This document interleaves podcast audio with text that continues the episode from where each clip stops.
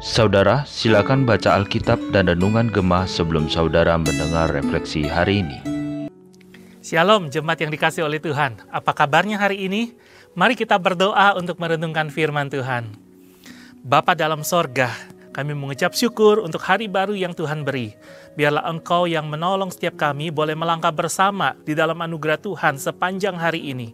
Tuhan pimpin sertai kami, kiranya kebenaran firman-Mu yang akan kami renungkan bersama-sama boleh mengingatkan kami, menguatkan kami, memberi semangat kepada kami untuk taat kepada Tuhan. Dengarlah doa kami. Dalam nama Tuhan Yesus kami berdoa. Amin.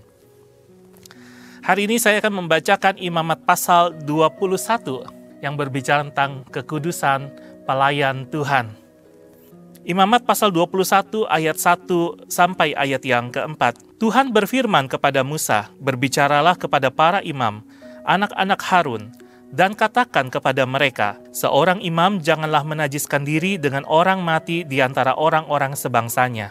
Kecuali kalau yang mati itu adalah kerabatnya yang terdekat, yakni ibunya, ayahnya, anaknya laki-laki atau perempuan, saudaranya laki-laki, saudaranya perempuan yang masih perawan dan dekat kepadanya karena belum mempunyai suami. Dengan mereka itu, bolehlah ia menajiskan diri. Sebagai suami, janganlah ia menajiskan diri di antara orang-orang sebangsanya, dan dengan demikian melanggar kekudusannya. Jemaat yang dikasih oleh Tuhan, Hal apakah yang harus diperhatikan oleh seorang pelayan Tuhan? Renungan Gema tertulis kita hari ini menyampaikan bahwa bukan penampilan, bukan keterampilan, bukan sekedar bakat, bukan popularitas, tapi apa yang harus dijaga, apa yang harus diperhatikan oleh seorang pelayan Tuhan, yaitu hidup dalam kekudusan. Jadi seorang pelayan Tuhan tidak boleh hidup dalam dosa, tapi harus hidup dalam kekudusan. Karena ia melayani Allah yang kudus, maka ia sendiri pun harus ada dalam keadaan yang kudus. Nah, oleh sebab itu Imamat pasal 21 memberikan perintah Tuhan tentang bagaimana para pelayan Tuhan, yaitu khusus dalam hal ini adalah para imam, harus menjaga kehidupan mereka sedemikian rupa sehingga mereka dengan menjaga kekudusannya mereka dilayakkan untuk melayani Allah yang kudus. Nah, ada beberapa hal yang disampaikan dalam perikop yang menjadi perenungan kita pada hari ini. Yang pertama, para imam tidak boleh menajiskan diri dengan berada di acara perkabungan, kecuali kalau yang meninggal itu adalah kerabat dekatnya, yaitu ayah, ibu, anak, serta saudara laki-laki dan saudara perempuan yang belum menikah. Kenapa? Karena biasanya kalau e, melayat itu pada masa itu berarti harus dekat dengan jenazah atau bahkan bersentuhan dengan jenazah. Sehingga kalau bersentuhan dengan jenazah yang waktu itu cepat membusuk, e, maka mereka dalam kondisi yang najis, tidak tahir, dan mereka harus menahirkan dirinya selama tujuh hari, sehingga selama tujuh hari mereka tidak bisa melayani di rumah Tuhan. Nah, kita bisa bayangkan kalau misalnya ini diperluas, tidak ada aturan, maka waktu mereka akan habis. Habis apa? Habis hanya untuk berduka, ya, tapi tidak ada waktu lagi untuk melayani di rumah Tuhan yang menjadi tanggung jawab mereka sehari-hari. Oleh sebab itu aturan ini dibuat supaya apa? Mereka dapat memaksimalkan pelayanan mereka di rumah Tuhan.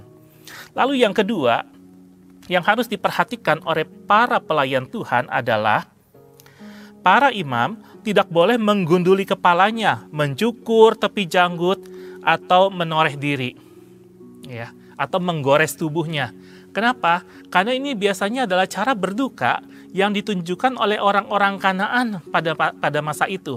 Nah, kita tahu bahwa umat Tuhan itu dipilih, disucikan, dikhususkan untuk hidup bagi Tuhan oleh sebab itu, cara hidup mereka, cara ibadah mereka harusnya juga berbeda karena mereka sekarang melayani Allah yang hidup.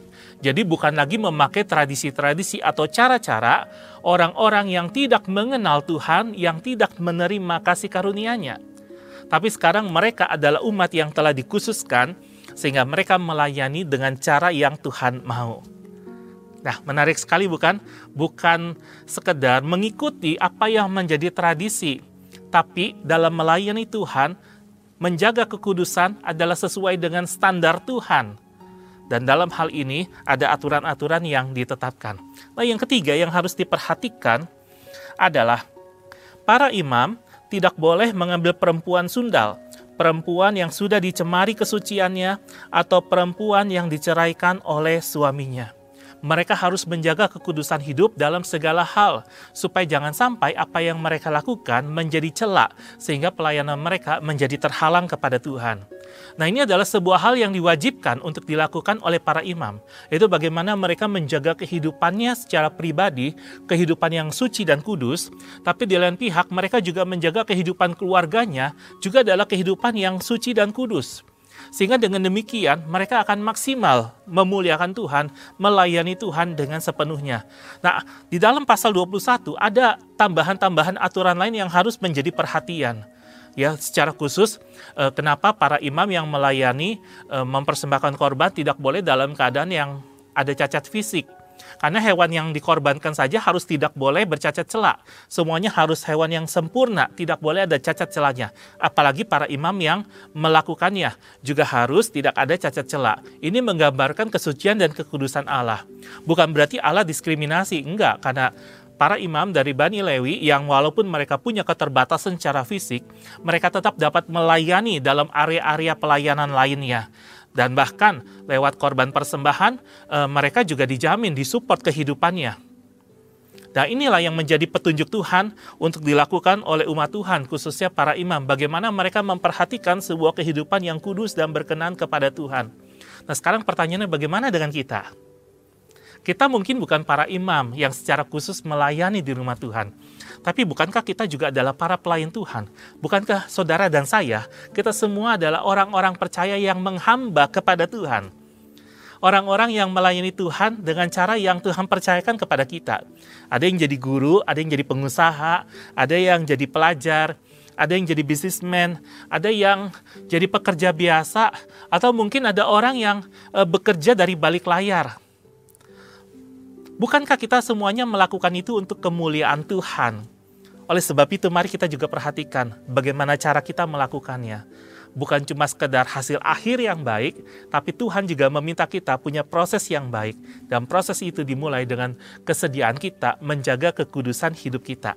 Janganlah kita menjadi serupa dengan dunia ini, tapi berubahlah oleh pembaharuan budimu, supaya engkau dapat membedakan manakah kehendak Allah, apa yang baik, yang berkenan kepada Allah, dan yang sempurna. Oleh sebab itu, kalau Tuhan cinta kekudusan, kalau Tuhan suka kekudusan karena ia adalah Allah yang kudus, bagaimana dengan kita? Apakah kita juga mau menjadi umatnya yang hidup dalam kekudusan? Karena kita mau mengikuti jejaknya Tuhan. Dan apakah kita bersedia dalam segala aspek kehidupan kita, kita menjaga kekudusan itu, berjalan bersama dengan Tuhan setiap hari. Sehingga kita menyadari kekudusan adalah sebuah support sebuah dorongan, sebuah anugerah yang Roh Kudus kerjakan dalam kehidupan kita hari demi hari. Seiring kita berjalan dalam ketaatan, seiring itu juga kekudusan kita bertumbuh dan kita makin memuliakan Tuhan. Rindukah saudara lewat apa yang kau kerjakan hari ini? Bukan cuma sekedar hasilnya, tapi proses yang engkau jalani di dalam kekudusan. Hiduplah di dalam kekudusan. Hai para pelayan Tuhan, apa pun yang engkau lakukan, pelayanan apa pun yang sedang engkau kerjakan, hiduplah di dalam kekudusan.